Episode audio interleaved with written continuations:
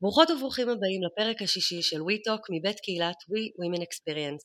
בפרק היום נדבר על חלק מאוד משמעותי ואולי אפילו הכרחי בתחום שלנו חוויית המשתמשים, מחקר משתמשים. הפעם נפגשתי איתי הילה יונתן שהיא UX Researcher ו-Team Leader שמובילה תהליכי מחקר וביחד אנחנו נפרק קצת את הרעיון שעומד מאחורי מחקר משתמשים וכיצד נוכל ליישם תהליכים כאלה במקומות בהם אנחנו נמצאים. ערב טוב לך. היי hey, סיוונה, מה העניינים? ערב טוב. פתיח מוזיקלי קצר ויאללה נתחיל.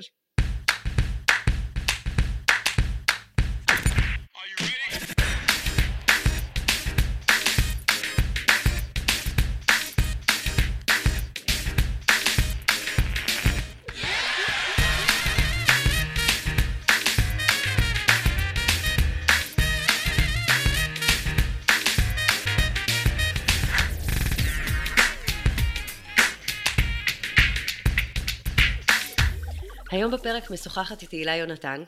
הילה היא עצמאית כבר כעשור בתחום חוויית המשתמש, עובדת עם מותגים, חברות מוצר ו-VCs, שזה Venture Capitals, אה, חברות השקעה. אה, בשלוש השנים האחרונות הילה הקימה וניהלה את הפרקטיס הישראלי של מחקר ה-UX בחברת אפלוז. בזמנה הפנוי היא שוחה, אוהבת לצאת לנהיגת שטח, או בקיצור ילדת טבע. היי הילה! היי סיוונה, מה שלומך? ערב טוב. ערב טוב. אה, למי שלא יודע, אנחנו מקליטים, אנחנו מקליטות בדרך כלל את הפרק בערב, אז עכשיו זה ערב. אם זה לא ערב אצלכם, אז בוקר טוב. לגמרי. אז על מה אנחנו יכולים לדבר היום? אז אה, יצא לנו לדבר הרבה לאחרונה על כל הנושא הזה של אה, מחקר משתמשים, גם אה, היה כנס לאחרונה של אה, We Women Experience שעסק בדיוק בנושא הזה. אה, ואם אתם אנשי חוויית אה, משתמשים או שיצא לכם לעבוד עם כאלה, אז אתם בטח שמעתם את המנטרה המקצועית הקבועה שלנו, אנחנו לא המשתמשים שלנו. You are not your users. אמ, אז המטרה שלנו היום בעצם בשיחה שלי ושל הילה היא לדבר על המושג הגדול הזה של מחקר, טן טן טן, אמ, והמחקר זה בעצם עונה לנו על השאלות כאילו אם אנחנו לא המשתמשים שלנו, אז מי כן ומה הם צריכים, נכון הילה? לגמרי, כן, זה אחד, ה, אחד השאלות שבאמת כדאי לדבר עליו ולפתוח אותה בכל הזדמנות שאפשר, איפה שאתם לא נמצאים. מצוין, ובשביל זה התכנסנו היום. אז בואי רגע נתחיל מההתחלה, תספרי לנו קצת על הרקע שלך ואיך הגעת לעולם המחקר. אה, אני חושבת שמחקר היה תמיד בעשייה שלי, זאת אומרת אה, מהימים הראשונים שעשיתי אפיונים ועבדתי אה, בצוות בסטודיו ואת יודעת את עושה את הוויירים, תמיד מחקר היה שם. מאותה, מאותה נקודה שראיתי שזה עושה אימפקט כל כך גדול על כל עבודה, גם אם זה בצוות וגם אם זה שלי אישית, ממש שכל פלואו שאני מייצרת מקבל משמעות נוספת ומקבל יתרונות נקרא לזה ואני רואה אצל משתמשים שימוש אחר, אז זה משך אותי להיכנס לתחום הזה. בשלב מסוים פשוט החלטתי לעשות, באמת להתמקד בזה ולא משהו שעל הדרך, לא להיות גם וגם, להיות חוקרת ולא לא עבר הרבה זמן מאז, זאת אומרת שהגיעה אליי ממש הצעה לבואי נעשה, scale-up. אני הייתי חוקרת, חוקרת עצמאית ובודדה לחלוטין בפלוז ושם בעצם כל מחקר שנכנס עבר אליי ואני עשיתי את כל המחקרים בחברה ובשלב מסוים באמת הגיעה הצעה שאני אקים צוות, אקים מחלקת מחקר שהיא dedicated מחקר, אז בשלוש שנים האחרונות זה באמת הדבר שבו, זה מה שעשיתי, אה, ומשם, אה, משם זה כבר, את יודעת, הכל כבר מרגיש כמו עולם חוויית המשתמש, זה דבר אינטגרלי לחלוטין מעולם של מחקר, שזה באמת המרכז שבו אני, אני נמצאת. אוקיי, okay, מעולה. כי הבנת שהערך שה, שזה נותן במסגרת העשייה, זה שווה את זה, זאת אומרת זה, זה פתאום, ואני מאוד מתחברת לאמירה הזאת בגלל שבאמת זה, זה בדיוק ככה גם אני די הגעתי לדבר הזה, זאת אומרת ברגע שאת מכניסה את האנשים שהם חלק מהפתרון הזה או ייהנו מהפתרון הזה, פתאום נדלקות לך כל המנורות של טינג טינג טינג, הנה, או, או, וואו, הנה, יש לי פה תשובות, אני לא צריכה לעבוד קשה, יש לי פה תשובות. לגמרי, נכון. ברגע שנחשפים לזה בפעם הראשונה, השנייה, זה עושה מין איזה aha moment כזה, נכון? יש מין איזה רגע כזה שאתה אומרת, או, זה למה אנחנו לא המשתמשים שלנו, זה למה זה חשוב, נכון? נכון, וה aha moment הזה, הוא, הוא לא מגיע רק, רק ממך, הוא מגיע בעצם מאנשים שאת עובדת איתם, אם זה בהנהלה ואם זה בצוות, ואז גם אם את עובדת בסטארט-אפ וגם אם את עובדת בתוך חברה mm-hmm. שהיא גדולה יותר או שהופכת להיות ארגון, אז בכל מקום הדבר הזה יש לו את הvalue שלו וכולם רואים את הערך הזה בסוף. כן, אני מאוד מסכימה גם עם זה. זה, זה, זה את אומרת כאילו אנשים מבינים, אנשים בארגון מבינים. אבל צריך להגיע לשם. זאת אומרת, צריך לפתח איזשהו תהליך עבודה, או צריך לשלב את העולמות האלה של המחקר והחקירה הזאת, תוך כדי ריצה. ואם אנחנו מדברות על סטארט-אפים, אז זה תוך כדי ריצה מאוד מאוד מהירה. אז מהחוויה שלך, איך, איך, עוש, איך עשית את זה? איפה, איפה נתקלת בנקודות האלה, ומה את עשית שם כדי להביא את זה, את המחקר, את הדבר הגדול הזה, כאילו לכדי מימוש? זו באמת, זאת נקודת pain אני חושבת אצל כולם, זו שאלה מצוינת. אה, החלק הזה, יש, צריך קודם כל להבין את השלבים שהמוצר נמצא, שזה דבר אחד. אה, ודבר שני, צריך גם לדעת איך בסופו של דבר להנגיש את המידע הזה, אה, נקרא לזה ל stakeholder ים, זה יכול להיות ל manager שלך וזה יכול להיות בסופו של דבר בסופו של דבר אפילו לעצמך, לעצמך לעצמך כמעצבת, כאשת UX וכדומה, זאת אומרת להגיע למקום שבסופו של דבר יש אה, איזשהם תובנות מהמחקר ולהציף אותם פנים ארגונית. עכשיו התחלתי מלהגיד, התחלתי מלהגיד, אה, אנחנו צריכים להבין קודם כל את השלבים של המוצר. הרבה פעמים שניגשו אלינו לקוחות, אני רגע מדברת אה, מתוך מקום, מתוך מקום של ניהול המחקר, בסדר? באפלוז כל העשייה שם, בשונה מחברת מוצר, היא בעצם חברת פרויקטים בקדום, חברת מחקר, זאת אומרת כל מחקר שעליו עבדתי ועבדנו בצוות זה בעצם מחקרים מעולמות שונים, זה יכול להיות פתאום פינטק, וזה יכול להיות דברים שקשורים להזמנת אוכל ואי-קומרס וכל דבר שאת יכולה לחשוב עליו. Mm-hmm, מאוד מגוון. מאוד מגוון, ובעצם החלק הזה, זאת בעצם אתגר ש, שראיתי אה, הרבה פעמים אצל אה, אה, לקוחות שהגיעו אלינו, זה איפה אנחנו עושים אינטגרציה של מחקר, או אם בכלל שווה לנו לעשות מחקר, זאת אומרת חוסר ההבנה הזו, בכלל ש... איזה ערך זה יכול לתת, איפה לשלב את זה, אה, אז יש כאן בעצם שני תובנות שאפשר לקחת, שתי תובנות. הראשונה זה לחשוב מה השלבים של המוצר שלכם, ואת השלבים של המוצר בכל שלב בעצם אה, להכניס פרק של מחקר. מה הכוונה פרק של מחקר? אנחנו חושבות במודל הזה. לכל מוצר יש את שלב הרעיון, mm-hmm. יש את שלב התכנון ויש את שלב הפיתוח. שלב התכנון זה שלב העיצוב, זה בעצם שווה. שלב הרעיון אנחנו נעשה מחקרי כל מיני אה, foundational studies כאלה, שזה באמת משהו שאנחנו רוצים אה, לעשות ולא לוקחים לנו המון המון משאבים. כאילו להבין את ה ecosystem, לעשות איזושהי סקירה של ה ecosystem של הארגון, קודם כל להבין את המרחב שבו אנחנו פועלות. זה בעצם, כשאת אומרת foundational studies, אני פשוט רוצה לוודא שאני מבינה אותך נכון ושגם אה, המאזינים והמאזינות שלנו. זאת אומרת, Foundational Studies מתחילים מאיזושהי uh, סקירה רוחבית של איפה אנחנו. נכון, נכון מאוד. Uh, הבנת אותי נכון מאוד, ויש באמת את החלק הזה, זאת אומרת, Foundational Study נקרא גם Generative Study, uh, קוראים לזה בכל מיני שמות, זה עדיין the same thing. Mm-hmm. ודרך המחקר הזה, אנחנו באמת, זה מחקר שהוא כמעט חינמי, זאת אומרת יש את זה את שעות העבודה, אבל זה לא משהו שצריך עכשיו להשתגע, ואין שום שום סיבה שבסופו של דבר מי שמאשר לנו כביכול את הזמן הזה אה, לא יגיד אוקיי זה מעולה אנחנו כן רוצים לדעת יותר ודרך המחקר הראשוני הזה אנחנו מקבלים עוד. ה-Foundational Studies נותן לנו, אם אני מפרקת את זה ביחד איתך, אז זאת אומרת אנחנו מתחילים מאיזושהי אקספלורציה, איזושהי חקירה נכון. של מי החברה, מה האתגרים שלה, אה, איפה הם נמצאים מבחינת האקו סיסטם בתעשייה שבה הם נמצאים, ואז מתוך זה כבר אנחנו לומדים כל מיני דברים אה, לגבי המשתמשים שלנו, נכון? זאת אומרת זה, זה מוביל אותנו לכל מיני דיוקים לגבי קהל היעד שלנו הוא לא איפה שחשבתם אולי שהוא נמצא אלא אולי הוא נמצא באזור טיפה ימינה טיפה שמאלה אולי הוא במקום אחר לגמרי הזום אאוט הזה שאת מתארת בתחילת הרעיון מאפשר לנו לראות כאילו תמונה רחבה יותר ואז לדייק את זה. כאילו זה בעצם הסוג של ה double diamond שמאוד מחובר לעולם של ה... של החשיבה האסטרטגית שלנו, כאילו ש double diamond זה בעצם למי שלא מכיר, זה הקונספט הזה של לפתוח, לעשות divergent, אה, לפתוח ולהביא כמה שיותר מידע, רעיונות, מחשבות, תובנות לתוך השולחן, ואחר כך באמצעות convergent, באמצעות התכנסות, אנחנו בעצם אה, מפקסים את זה ומדייקים את זה, ואז אפשר לצאת לדרך לשלב השני של התכנון, נכון? נכון, אז בעצם זה נכון מאוד. המטרה של המחקר הראשון שמאוד חשוב לי לדבר עליו רק שנייה אחת, ה-Foundational Research, או Generative כמו שאמרנו, זה בעצם להבין להגדיר יותר טוב את הבעיה ולתת לה את הפתרון הטוב ביותר, שזה משהו שבחברות הרבה פעמים מאוד, מאוד מתמסמס. אה, אז זה הדבר ראשון שמאוד חשוב לעשות. הדבר השני, אנחנו מדברים כבר על שלב התכנון.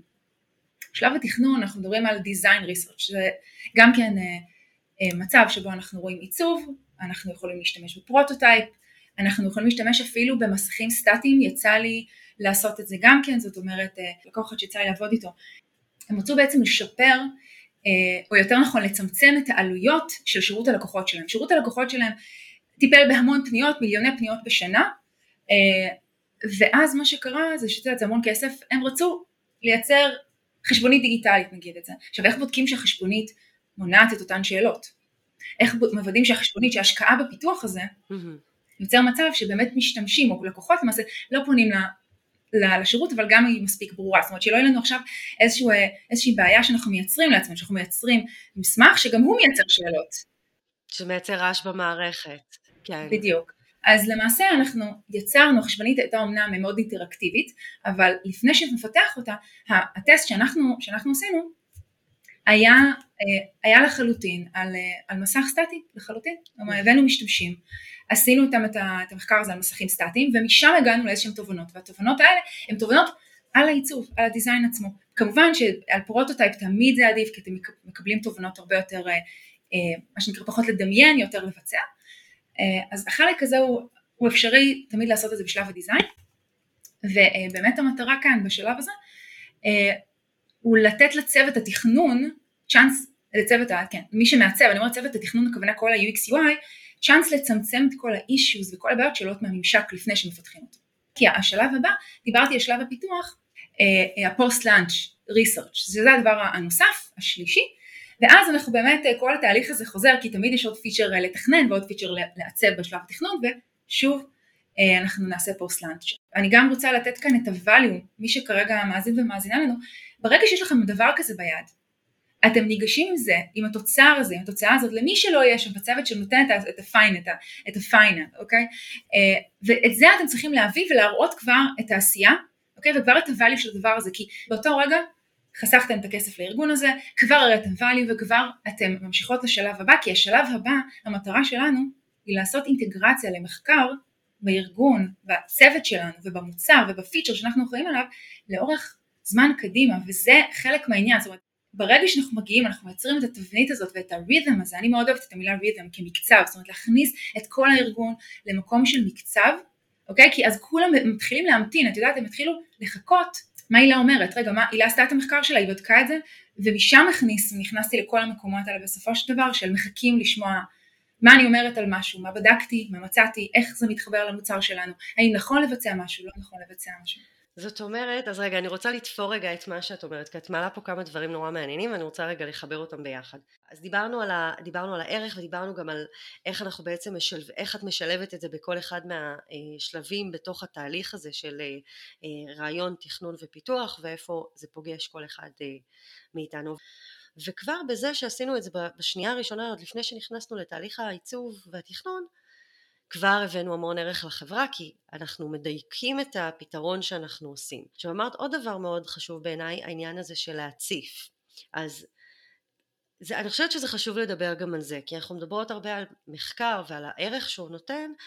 בואי שנייה תני לי איזה הצצה כאילו של איך את מציגה תובנות ממשהו כזה. נניח ועשית איזושהי בדיקה על מסך איך משתפים אנשים אחרים במה שלמדת בצורה אפקטיבית שגורמת להם להבין את הערך באמת it's all about the presentation בשלב הזה, באותו רגע, אותם רגעים. Uh, אני חושבת שחשוב מאוד להביא לשולחן את ה-bottom lines ככל שניתן, mm-hmm. וזה גם משהו מהשוק הישראלי, יצא לי לעבוד עם שווקים שהם אפילו, שהם אייפאק או שווקים uh, אירופאים ואמריקאים, אצלם זה קצת אחרת, אפשר לעשות דברים קצת פחות bottom lines, יותר לתת את הדאטה ואת התהליך, הם מאוד מאוד קשובים בהקשר כן. הזה. אצלנו זה ממש שונה ואנחנו מאוד צריכים לתת על זה את הדגש, אז כמו שהלקוחות אוהבים לשמוע את ה-bottom lines אגב, שזה כן מה שקורה במחקר, אותו דבר ל stakeholders, אני אשתמש במילה stakeholders כרגע כמילה גנרית לכל מי שאנחנו צריכים בסופו של דבר מאשר לנו משהו, אז בסופו של דבר אה, יש כאן שני דברים, דבר אחד איך אנחנו מציגים את זה כמו ששאלת, mm-hmm. תיקחו הדבר הכי פשוט שלכם, תפתחו איזושהי מצגת, אה, אני בעד תמיד לעשות את הכל אה, שיתופי ו... אה, להכניס את ה... בצורה שאפשר לשתף אחר כך עם אנשים ולתת להם לדפדף בזה בעצמם, קחו מצגת ותתחילו להכניס לשם. במקרה בואי ניקח את הדוגמה שאת אמרת, אופציה A, אופציה B, שני עיצובים. בסדר? ניקח דוגמה ממקרה בוחן, בשנייה. לוקחים אה, עיצוב אחד, לוקחים את העיצוב השני ומתחילים להגיד מה עבד ומה לא עבד, בזה שאנחנו יכולים לתת נתון מספרי קטן, לא, אני לא מדברת פה עכשיו על מחקר שהוא כמותני, mm-hmm. עם uh, עשרות או, או מאות נקרא לזה משתתפים, אלא מחקר שהוא איכותני, אבל עדיין אפשר לתת, שלסתם אני זורקת מתוך 35 או 30 משתתפים, 29 או 25 אמרו משהו לגבי פיצ'ר, לגבי אלמנט מסוים שאנחנו רואים בממשק, וגם אנחנו רואים מהצד השני אה, אה, ציטוטים של אנשים שממש מדברים למה הם אוהבים משהו או לא אוהבים משהו. לדוגמה, זאת אומרת זה פשוט אה, ממצא, זה מייצג נקרא לזה חזק מאוד, כן. אוקיי? אם אנחנו גם בעצם מדלוורים נקרא לזה לאותו stakeholder או stakeholderית, אנחנו אומרים לה לפי הממצאים האלה אנחנו לא אמורים לפתח את ה feature בצורה שלו הזו.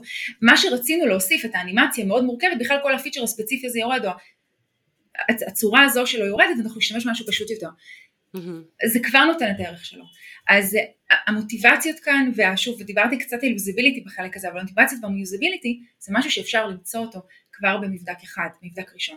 כן, וה, והערך, שזה בעיניי החלק הכי תכלסי, כאילו ה-bottom line, שבאמת כולם מחפשים, זה עוזר לנו בעצם להגיד, אה, האם האינטואיציות שלנו היו מוצדקות או לא, כי לבסס בעצם עבודת אה, עיצוב מורכבת או פיתוח מורכבת, זה עולה הרבה כסף בסוף. אז אם הצלחתי לחסוך לחברה את ה... אה, במקום לעבוד על משהו במשך שלושה חודשים, אנחנו נעבוד עליו חודש, או יהיה מדויק יותר, עשינו פה אחלה ערך לארגון ברמה הכלכלית, ברמה של המשאבים שמנוצלים. במחקר, באמת, בסופו של דבר אנחנו מגישים הרי דוח. דוח, זאת אומרת פרזנטיישן, ריפורט, זה יכול להיות כל מיני סוגים של, כל מיני סוגים של דרכים, אה, ואפשר תמיד גם בתוך המחקר עצמו לייצר, להכין לעצמך את ה, איך אני הולכת לספר את הסיפור בשאלון.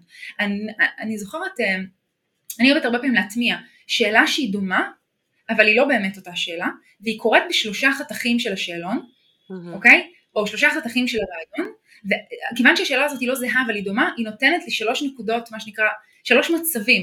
אה, בתחילת, מה שנקרא אה, steady state, המשתמש אין לו הרבה דעה, הוא נותן איזשהו ציון חמש למשהו, חמש מתוך חמש, אחרי זה זה הציון הזה פתאום משתנה. אה, יורד פתאום לשלוש, ואז אחרי זה זה נהיה אפס, ואז את אומרת הנה הסיפור שלי, ככל שאנחנו רואים את המשתמש עובר בתהליך, הוא פחות מבין, הוא פחות מרגיש ביטחון והוא פחות interest והוא לא ישתמש במוצר. זאת אומרת, ובאיזה נקודה זה קרה? במהלך השאלון אנחנו יכולות ממש לשים לב לזה. וואלה. וזה storytelling דרך השאלון, זאת אומרת ממש מתוך מקום של הריסרצ' עצמו. ואז אנחנו מציגות את זה גם, זאת אומרת אני הרבה פעמים רוצה לבנות את זה כבר כשאני כותבת את השאלון ולא רק מהממצאים, למרות שאני אשתף אותך שאני אומרת את זה לחוקרים שאני עובדת איתם, הממצאים יעזרו לכם, הם מספרים לכם את הסיפור, שתקשיבו, הם שם, זה שם, לא צריך להמציא את הכל, אבל כן לפעמים אני אוהבת לעשות את זה גם. זה מדהים, זה כאילו לעשות user journey אבל ביחד עם המשתמשים, כאילו ממש אה, לעבור איתם, כאילו ממש לעשות איזשהו, כמו NPS, זה, זה לקחת ממש איזשהו מדד שאת יכולה לבדוק כאילו לאורך הדרך אם הוא עולה או יורד, וככה, וזה מחזיר אותנו בעצם לנקודה הזאת של אנשים אה, שהם לא חלק מעולם המחקר או לא חלק מעולם החוויית משתמש, מאוד קשה להם להבין את איך מודדים את זה, אז הנה חברים, זו, התשוב, זו אחת התשובות האפשריות, מודדים את זה באמצעות לשזור אה, ערכים מדידים בתוך השאלונים, אה, ולאורך זמן, כאילו, לאורך השיחה, לראות האם יש עלייה, ירידה אה, ושיפור, ו... באיזה נקודות יש את הנקודות הנמוכות או הגבוהות, כדי נכון. לדעת למקום, וואו, מהמם, משגע. אהבתי את זה ממש.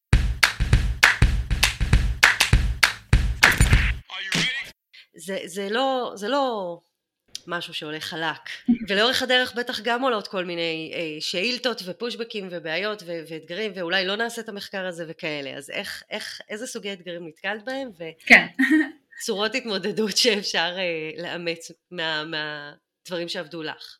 אה, טוב, אז קודם כל את צודקת, באמת יש כל מיני אתגרים שעולים כל הזמן והם קצת משתנים אפילו. זאת אומרת, אה, אתגר במקום עבודה אחד לא יהיה אתגר, באותו אתגר במקום עבודה אחר.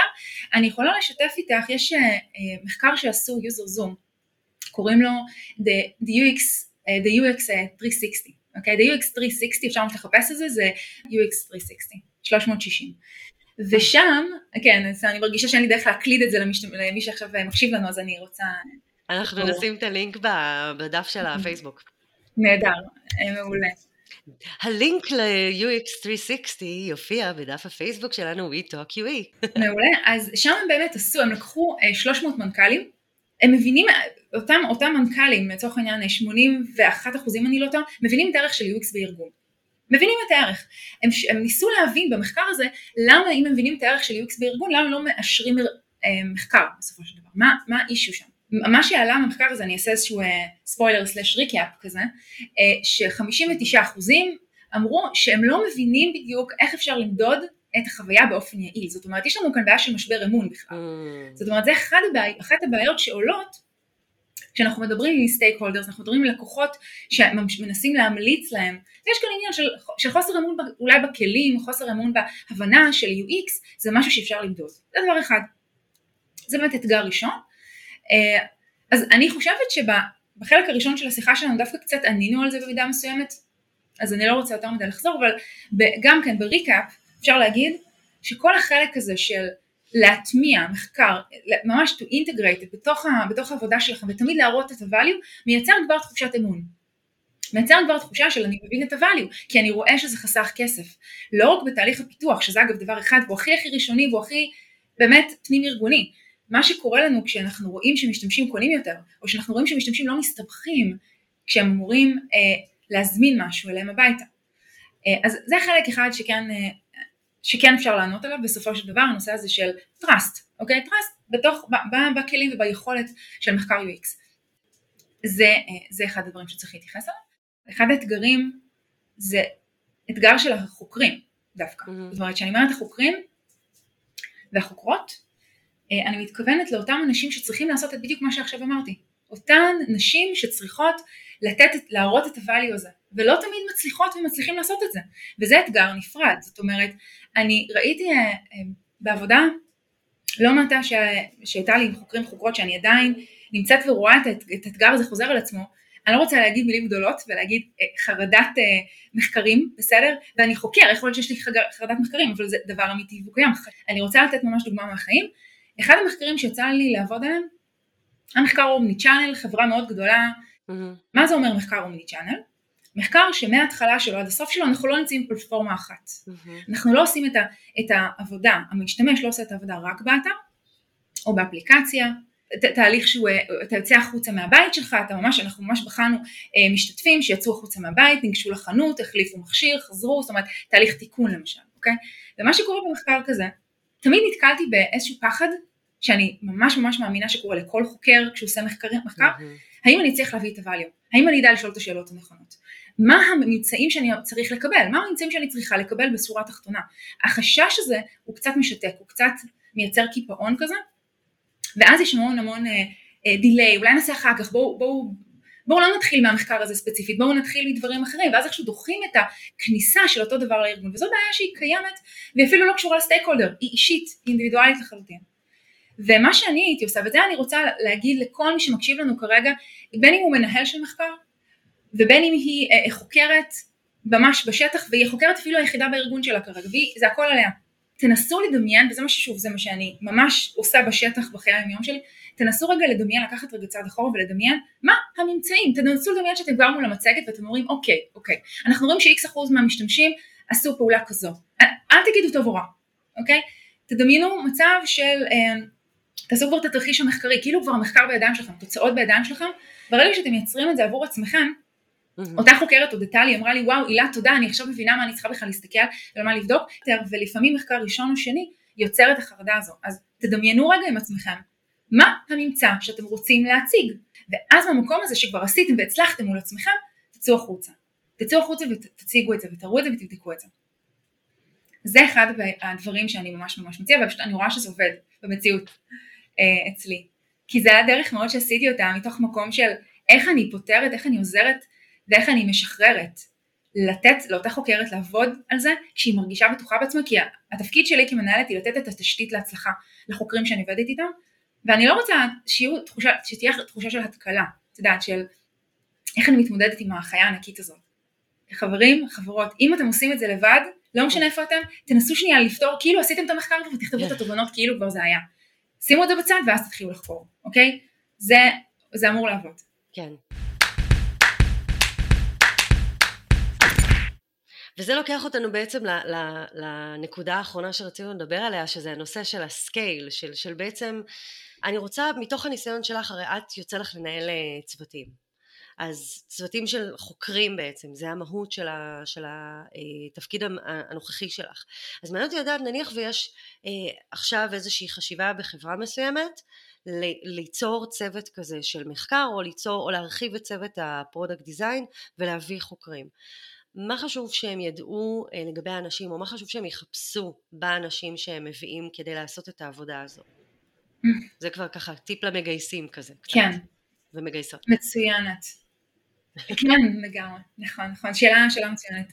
גם, אה, הדברים שצריך, ליצ... אה, התכונות, ה-qualities נקרא לזה, שכדאי שיהיו באותם אנשים שנכנסים לצוות, דבר ראשון ודבר שני, זה, זה ממש מתחרה, זה אמפתיה וסקרנות. זאת אומרת, צריכות להיות כאן שני התכונות האלה באותו בן אדם, יש עוד כמה דברים, באותה אישה שנכנסת, כדאי מאוד שיהיה שם באמת אמפתיה, אמפתיה בשביל יצירת המחקר, מבנה המחקר דורש הבנה של המשתמש, הבנה של המשתמשת. באיזה סיטואציה זה בסופו של דבר המוצר תופס אותם ואיך מצליחים להביא אותם למקום שהם בכנות משתפים מידע. זאת אומרת זה אתגר אמיתי. אתגר אמיתי זה להביא מידע כנה מהמשתמש. אה, אז זה אחד הדברים שאמפתיה מאוד מאוד עוזרת ברגעים כאלה, גם, ברעים, גם במחקרים שהם moderated, במחקרים שהם unmoderated אגב גם כן, זאת אומרת בניסוח של שאלון אה, ובתרחיש המחקר, גם גדול וגם קטן, כל הנושא הזה של אמפתיה בא אה, מאוד לטובת החוקר. לגמרי. הדבר הנוסף זה curiosity, זאת אומרת סקרנות של החוקר ללמוד, וללמוד ממקום הכי לא biased. אני אומרת biased, מאוד חשוב לי להגיד, אנחנו מכירים את המילה biased מתוך שלא יהיה למשתתפי המחקר, שהם לא יהיו biased, שלא נייצר מצב שהם עונים לנו ממקום של הטיה, אבל biased יכול להיות גם אצל החוקרים. זאת אומרת, אנחנו, אנחנו באופן כללי אנשים עם המון biased, זאת אומרת, אפילו איך שאנחנו אולי בוחרים את החברים שלנו ביומיום, אנחנו קצת biased. אז זה, זה, זה דבר שחולש על כל תחומי החיים שלנו, אז אנשים שיש להם את הסקרנות הבריאה ללמוד מידע אמיתי שהוא לא דווקא מה שהם מדמיינים שיקרה ולא דווקא יודעת, מתאהבים בעיצוב של עצמם או לא דווקא חושבים שאה אם הוא, אה, אה, היא או הוא יש להם איזושהי מגבלות מסוימת אולי הם אה, יודעים פחות דברים שהם מגיעים ממקום נקי וסקרן וללמוד באמת ולדעת להקשיב לנתונים שלהם ולדעת להקשיב לאנשים שמדברים איתם. אז אלה שני דברים מאוד חשובים. דברים כמובן נוספים שאני אה, מסתכלת עליהם זה באמת הנושא של, אה, שהם קצת יותר אה, אולי כלליים, אבל באמת הכישורים של עבודה בצוות, כי מחקר זה אופריישן, זה ממש עבודה בצוות, זה לא אני והמחשב שלי, אני והמסך שלי, אנשים שעושים מחקר ונשים שעושות מחקר צריכים לבוא ולדעת מה זה עבודה בצוות, וזה זה חשוב מאוד גם ברמת הבין אישי כשאנחנו עושים את אותו רעיון, וגם ברמת אחר כך אני מדלבר את המידע שלי החוצה, וגם ברמת הגיוס אפילו, את יודעת, זאת אומרת זה באמת נמצא בכל המקומות. אז אני רוצה רגע כאילו להוסיף, לזרוק פה איזה משהו שהוא בעצם מתלבש על משהו שאת אמרת בתחילת השיחה, או לאורכה, גם לאורכה, הקטע הזה של אה, להיות uh, בעלי יכולת לספר את הסיפור נכון, זאת אומרת גם את היכולת עמידה מול קהל, אבל גם את היכולת לבנות את הנרטיב שאנחנו מציגים, את ה, איך הגענו למסקנות ואת השורה התחתונה זאת יש פה גם איזו דרישה ליכולת אה, לעשות storytelling בצורה נכונה. אז אה, זה גם איזשהו skill ש, שאני חושבת שככה זרקנו אותו ככה לאורך הדרך ואני חושבת שהוא גם מאוד מאוד חשוב ומשמעותי לאנשים שעושים מחקר כאילו עשיתם מחקר בניתם את כל הדבר הנפלא הזה ויש לכם עכשיו זהב בידיים אם אתם לא יודעים איך להציג אותו ואיך להביא לספר על הערך שהבאתם בעצם ושיפלו הסימונים בשיחה מול בעלי העניין שאת ציינת ה stakeholders קודם אז בעצם העבודה שלכם נשארת כ document ממש מפונפן במגירה. נכון, בסוף. נכון. ה storytelling הוא החלק, הדלוור של, ה, של הדבר הוא החלק המשמעותי והחשוב, כאילו, נכון? בהחלט, storytelling לחלוטין, אה, זה, זה, זה, זה feature שלא תמיד קל לזהות אותו ברעיון, זאת אומרת אם כבר דיברת על אנשי HR או אפילו, אפילו כשבונים צוות, אה, אני נכון. באמת בכל חברה שאני נמצאת כפרילנסרית, נקרא לזה לרגע ככה, אני באמת עצמאית בתחום בכל השנים האלה. ואני תמיד מנסה להכניס מחקר לכל מקום שבו אני נמצאת שזה אולי קצת מעצבן אבל זה חשוב מאוד. והחלק הזה של storytelling את זה מקסים שאמרת את זה, זה באמת נכון מאוד ומאוד קשה, את יודעת בריאיון לפעמים נשים לב אם בן אדם יודע לעשות את זה. אז את יודעת תמיד אפשר אה, לפתור את זה באמצעות איזשהו אה, תספר קצת על ודברים בסגנון הזה של איך הוא מציג לך את, או היא מציגה לך בעצם את אותו תרגיל. אוקיי, אז אני רוצה רגע לעשות ריקאפ כאילו על כל מה שדיברנו ובעיקר על, על הטיפים, כי נתת פה המון המון טיפים. אז הטיפ הראשון שנתת בעצם זה תמפו באיזה שלב המוצר נמצא, זאת אומרת תבינו איפה התהליך, איך נראה התהליך, אה, איפה, איפה ה, אה, אתם משתלבים בתוך התהליך ואז בתוך התהליך הזה תוכלו להבין גם באיזה נקודות אפשר לעשות מחקר. שווה להציע, שווה להכניס, שווה לעשות גרילה, שווה לעשות משהו יותר מובנה אבל להכניס את ה... איפה הנקודות שבהן אנחנו צריכים רגע לבדוק שנייה לפני שאנחנו מתקדמים. אם זה בהתחלה דיברנו על קונספט או בנקודות יותר אה, מאוחרות כמו אה, בדיקות שמישות. שתיים, אה, כשאתם כבר עשיתם את השילוב של המחקר, תבינו בעצם מה השאלות שאתם רוצים לשאול במחקר על ידי לדמיין איך יראה המחקר בסופו. זאת אומרת לבדוק מה, מה ההשערות שיש לנו שאנחנו רוצים לתקף. אנחנו חושבים שהמשתמשים לא יבינו את הדבר הזה. הנה שאלת מחקר. אה, לדמיין את הסוף כדי בעצם לבנות את, ה, את התהליך הזה של לברר ולחקור. כשיש לכם את התוצרים ואת התובנות, זה שלוש, תראו מספרים, תשאפו לה, להציג מספרים, כי לאנשים מאוד קשה להבין אה, ערך בצורה שהיא לא אה, טוב, רע, ומספרים מאוד עוזרים להבין את הטוב, רע, ועד כמה טוב ועד כמה רע. אז להראות את המספרים וגם לספר את הסיפור זה ארבע לספר את הסיפור בצורה שהיא סיפורית, זאת אומרת להראות הייתה פה איזושהי התחלה טובה ופתאום בנקודה הזאת משהו ממש got terribly wrong והחוויה הייתה על הפנים ואנשים אמרו לא ברור אפס לא מצליחים להבין את זה ופתאום פה חזרנו לנקודה מאוד טובה. אז להראות את זה גם לאורך זמן זה גם יאפשר את זה. אמ, כשאנחנו מציגים, זה חמש, כשאנחנו מציגים את התובנות שלנו, להציג את השורות התחתונות עד כמה שאפשר, כשמתקשרים את התובנות שלמדנו ממחקר, אה, להבין מה אנחנו אה, בעצם השורה התחתונה שמעניינת את מי שיושב מולנו בשיחה, הסטייק הולדרים, מה מעניין אותם לדעת ולפי זה כאילו להציג את ה, את ה... אוקיי נתחיל מהשורה התחתונה ואחר כך נראה לכם איך הגענו לזה, למה אנחנו אומרים שזה השורה התחתונה למשל.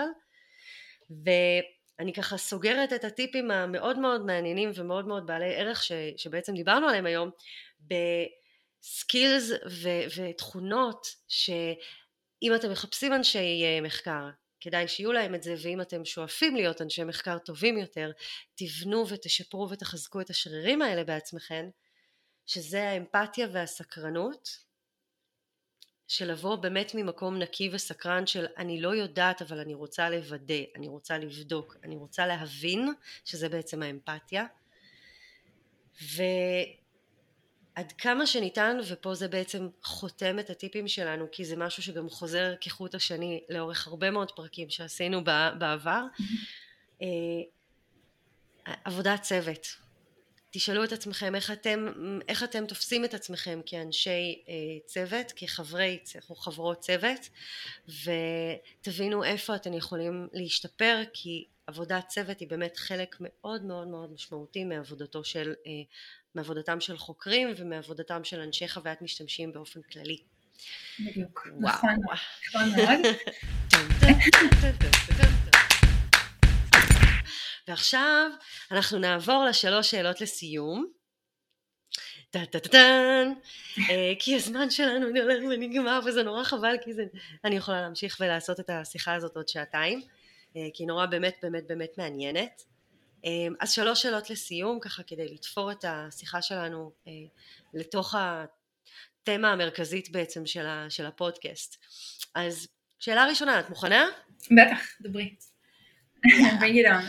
אז, אה, אז שאלה ראשונה אם תוכלי לשתף בתובנה הכי משמעותית שקיבלת לגבי חוויית משתמשים ככותרת למאמר משהו באזור החמש שבע מילים מה היא תהיה?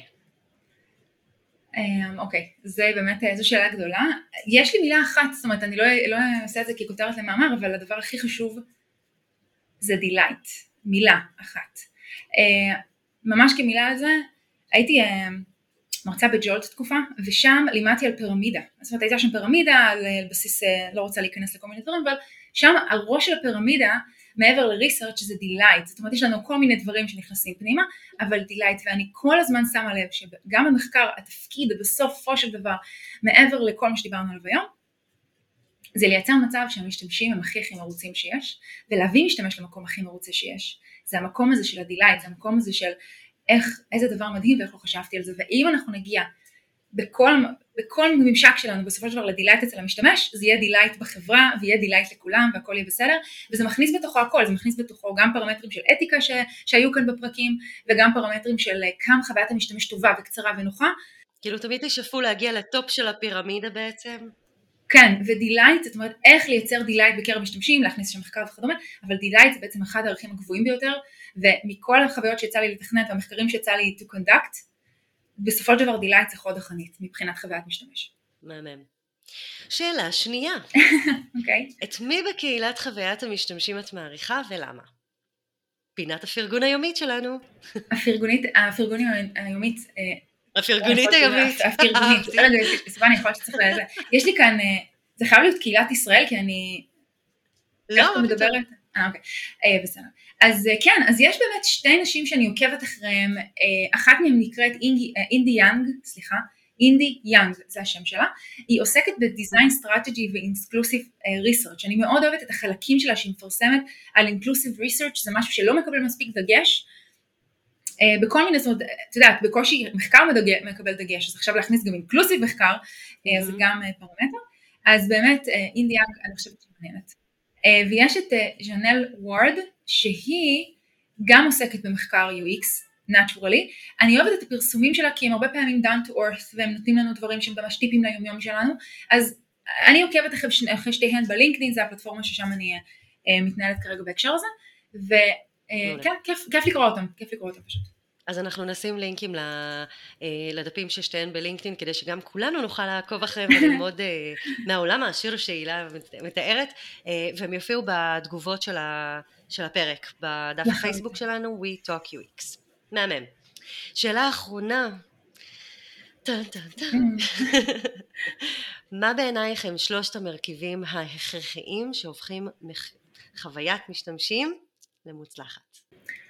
אה, חוויית משתמשים למוצלחת. כן, אז אה, אני חושבת, אני, אני אקח את זה שוב למקום של ריסרצ' קצת, אה, כי שוב זה העולם שלי כרגע, זאת אומרת בסופו של דבר אנחנו כן הולכים למקום הזה של חוויית משתמש, אבל, אבל מחקר שמלמד אותנו משהו חדש על חוויית משתמש, mm-hmm. זה אחד מהמרכיבים ההכרחיים בחוויית משתמש בסופו של דבר, זאת אומרת מעבר ל, אוקיי יש שם מוצר אינטואיטיבי, זאת אומרת, ומה לא אינטואיטיבי בו. אז מעניין אותי הפרטים החדשים האלה על המוצר, וזה בסופו של דבר מה שמביא אותנו למקומות החדשים וההכרחיים בחוויית משתמש טובה. מעולה, נכון. אה, שזה, שזה אחד הדברים באמת חשובים. אה, אה, בנוסף גם, אני לוקחת את זה למקום של מחקר, אבל החלק הזה של אינטגרציה של מחקר, מחקר שמתוכנן באופן שניתן לבצע באופן רב פעמי לצורך העניין, במיוחד כשמסתכלים קדימה, והוא חלק מהתרבות הארגונית גם מייצר חוויית משתמש טובה, זאת אומרת אני חושבת ש... את יודעת, אני חושבת על זה ואני אומרת לעצמי, אני עונה על זה במקום הזה של ריסרצ', ברור לי ששורה התחתונה, יש משתמשים ומשתמשות שעובדות עם מוצר, והן, רוצים ש... והן רוצות שהמוצר יהיה אה, מהיר ו... וקליל. שורה התחתונה, איך מגיעים לדבר הזה? זה הד... זו הדרך לעשות את זה. תחשבו על משהו שאתם מתכננים, ומתכננות ומצליחות to integrate את בצוות שלכם, אה, ואז להגיע בדיוק להר... להרכב של חוויית המשתמש שאתם רוצים. אה, וכמובן וכמובן אני אומרת את זה last but not least אבל זה למעשה ראש הפירמידה שלנו OKR ו-KPIs, כל מחקר שהתוצאות שלו וכל חוויית משתמש שהתוצאות שלהם בסופו של דבר משפרות לנו ונוגעות בנקודות האלה של שה-OKR שלנו אנחנו מצליחים בו אה, וה-KPR שלנו אנחנו עונים עליו mm-hmm. אז, אה, אז החוויית משתמש היא בסופו של דבר כנראה טובה. אנחנו, אני רוצה להאמין שוב, אני תמיד חושבת על אתיקה בהקשרים האלה שוב אתיקה זה חלק מהחיים שלי בצורה גם כן משמעותית. גם שלי מסכימה.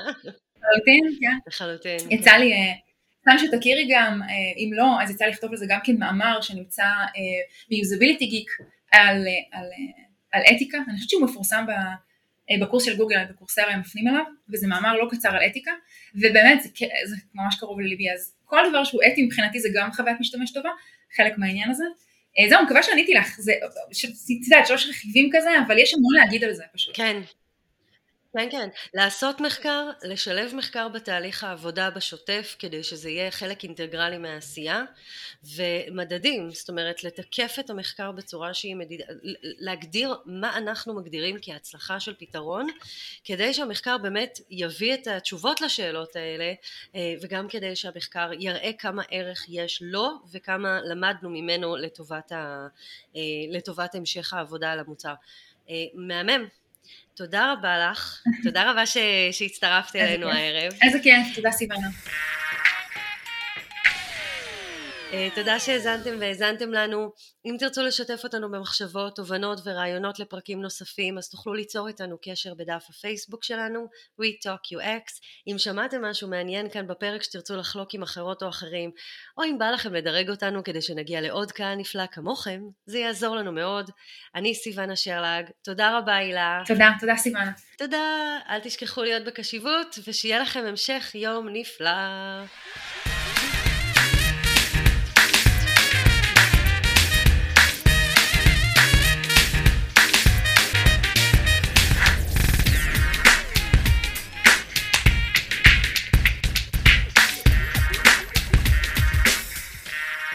נפגשת איתי איתה... עוד פעם. הפעם נפגשת, איזה כיף שאפשר לערוך הכל, זה נהדר, זה נהדר.